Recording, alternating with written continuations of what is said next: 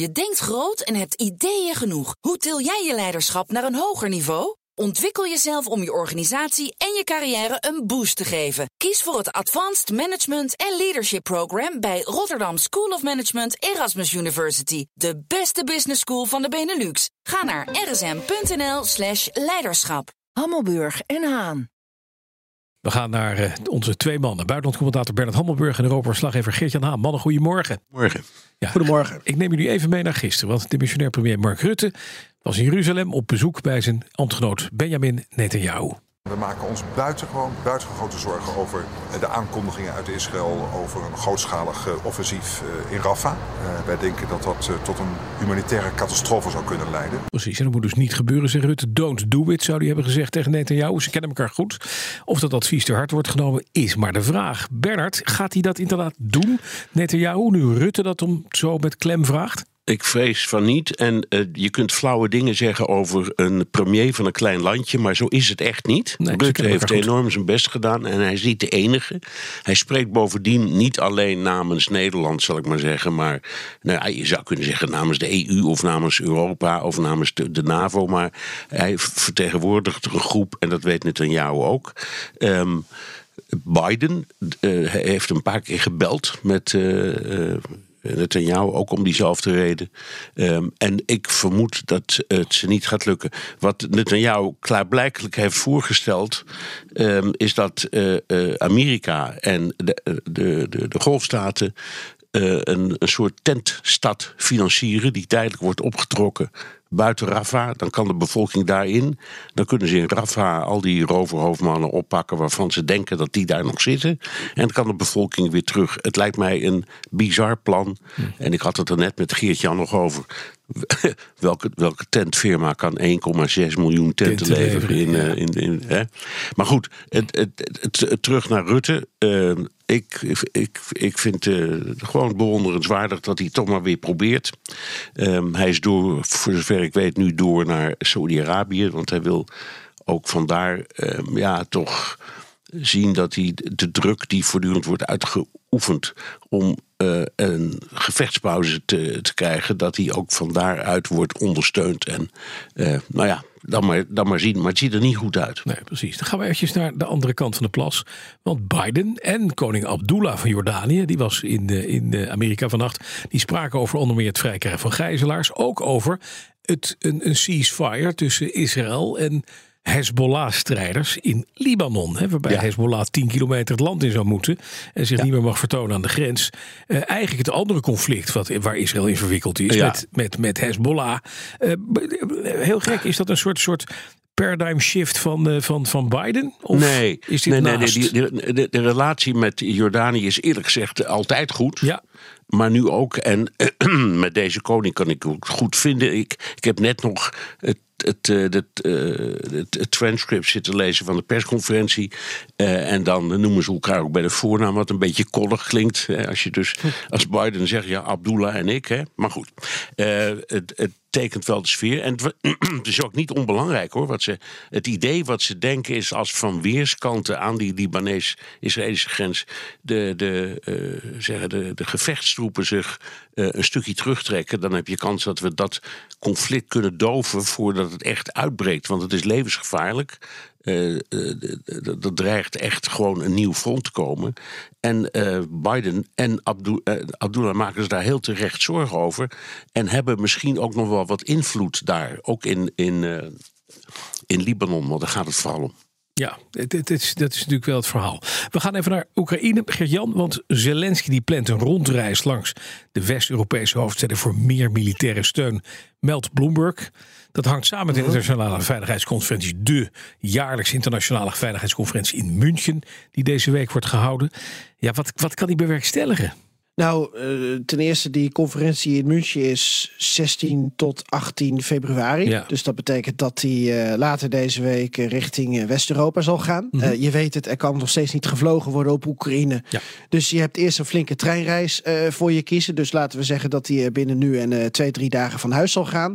Met wat ik heb begrepen, een fikse delegatie. Want ik geloof ja, dat ook burgemeester Klitschko van Kiev meegaat. Sowieso, als er iets in Duitsland gebeurt Dan gaan de broertjes Klitschko, oud-wereldkampioen uh, boksen is het, gaan ze mee naar, um, naar Duitsland. Omdat ze heel goed daar de publiciteit kunnen bespelen.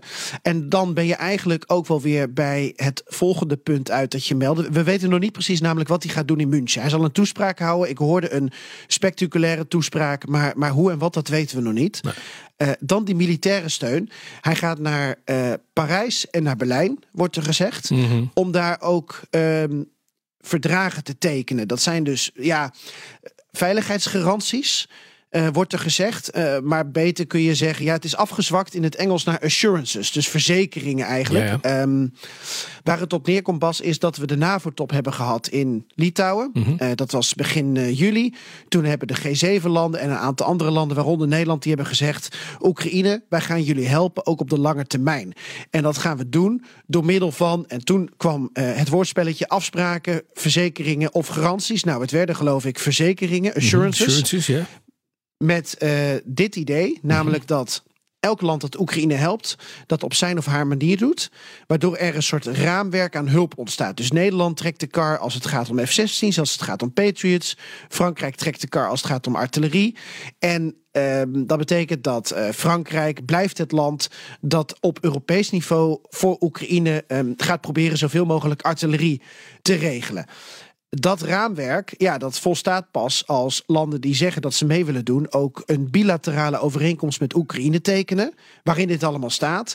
En uh, dat heeft Zelensky met uh, de Britten en de Canadezen bijvoorbeeld al gedaan. En dat gaat hij nu met de Fransen en de Duitsers doen. Mm -hmm. Superbelangrijke timing ook, want ja, ja uh, Trump dreigt de NAVO op te blazen. het moet misschien allemaal vanuit Europa gaan komen, de steun voor Oekraïne als ze langer willen doorgaan.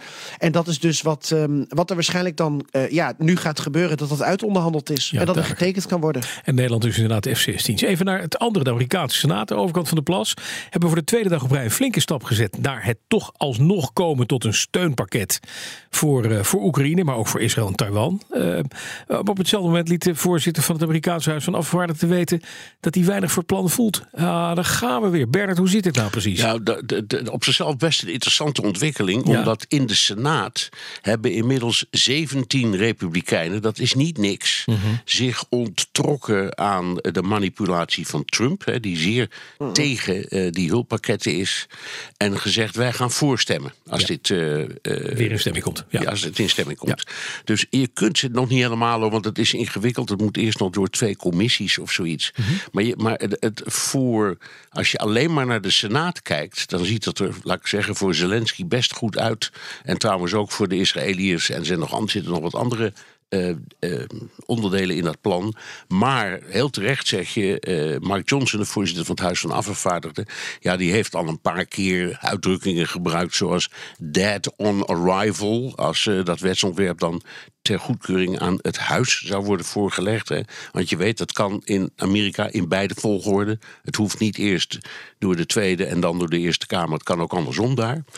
en daar mm. ziet het heel anders uit. Daar is nog steeds bij mijn weten geen enkel uitzicht op een meerderheid die uh, dat uh, voorstel zou goedkeuren. Dus daar moet nog een stevig robbertje worden gevochten. Cool. Uh, ja, je kunt zeggen, het is heel goed nieuws dat die Senaat zo schuift. Het is echt wel een signaal, ook aan Trump hoor. Maar ja, uiteindelijk gaat het om de uitkomst. En ja. als die is dat het bij de volgende halte misgaat, ja, dan heb je uiteindelijk niks. Ja, wat zal Poetin in zijn knuisten lachen, hè? Nou, reken maar, natuurlijk. Kijk, die, al die ontwikkelingen in Amerika en ook um, ja, zulke soort dingen als uh, veiligheidsgaranties in Europa, land voor land en andere landen weer niet.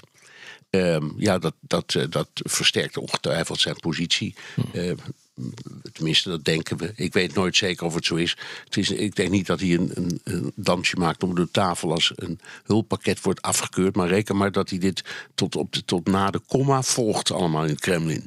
Ja, Mag ik nog één ding aanvullen? Ja. Er is ook weer een uitspraak geweest van uh, Chuck Schumer. Um, vanuit de, de Senaat, die dan geloof ik zegt... de hele wereld gaat zich de komende dagen herinneren wat de Senaat doet. Uh, en dat dit Poetin allemaal gelukkig zou maken. Uh, zou kunnen, maar we hebben eerder ook bijvoorbeeld Biden horen zeggen... van ja, als je nou niet komt met, met, met je wapens... als we die nu niet aan Oekraïne kunnen leveren... ja, voor we het weten kunnen we niks anders dan zelf boots on the ground in Rusland plaatsen. En wat krijg je dan? Dat je dus interviews met Poetin krijgt. waarin hij gebruik kan maken van dit soort uitspraken.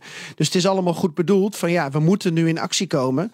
Maar ehm, ja, ik, ik heb er een hard hoofd in. Je denkt groot en hebt ideeën genoeg. Hoe til jij je leiderschap naar een hoger niveau? Ontwikkel jezelf om je organisatie en je carrière een boost te geven. Kies voor het Advanced Management en Leadership Program bij Rotterdam School of Management Erasmus University. De beste business school van de Benelux. Ga naar rsm.nl slash leiderschap.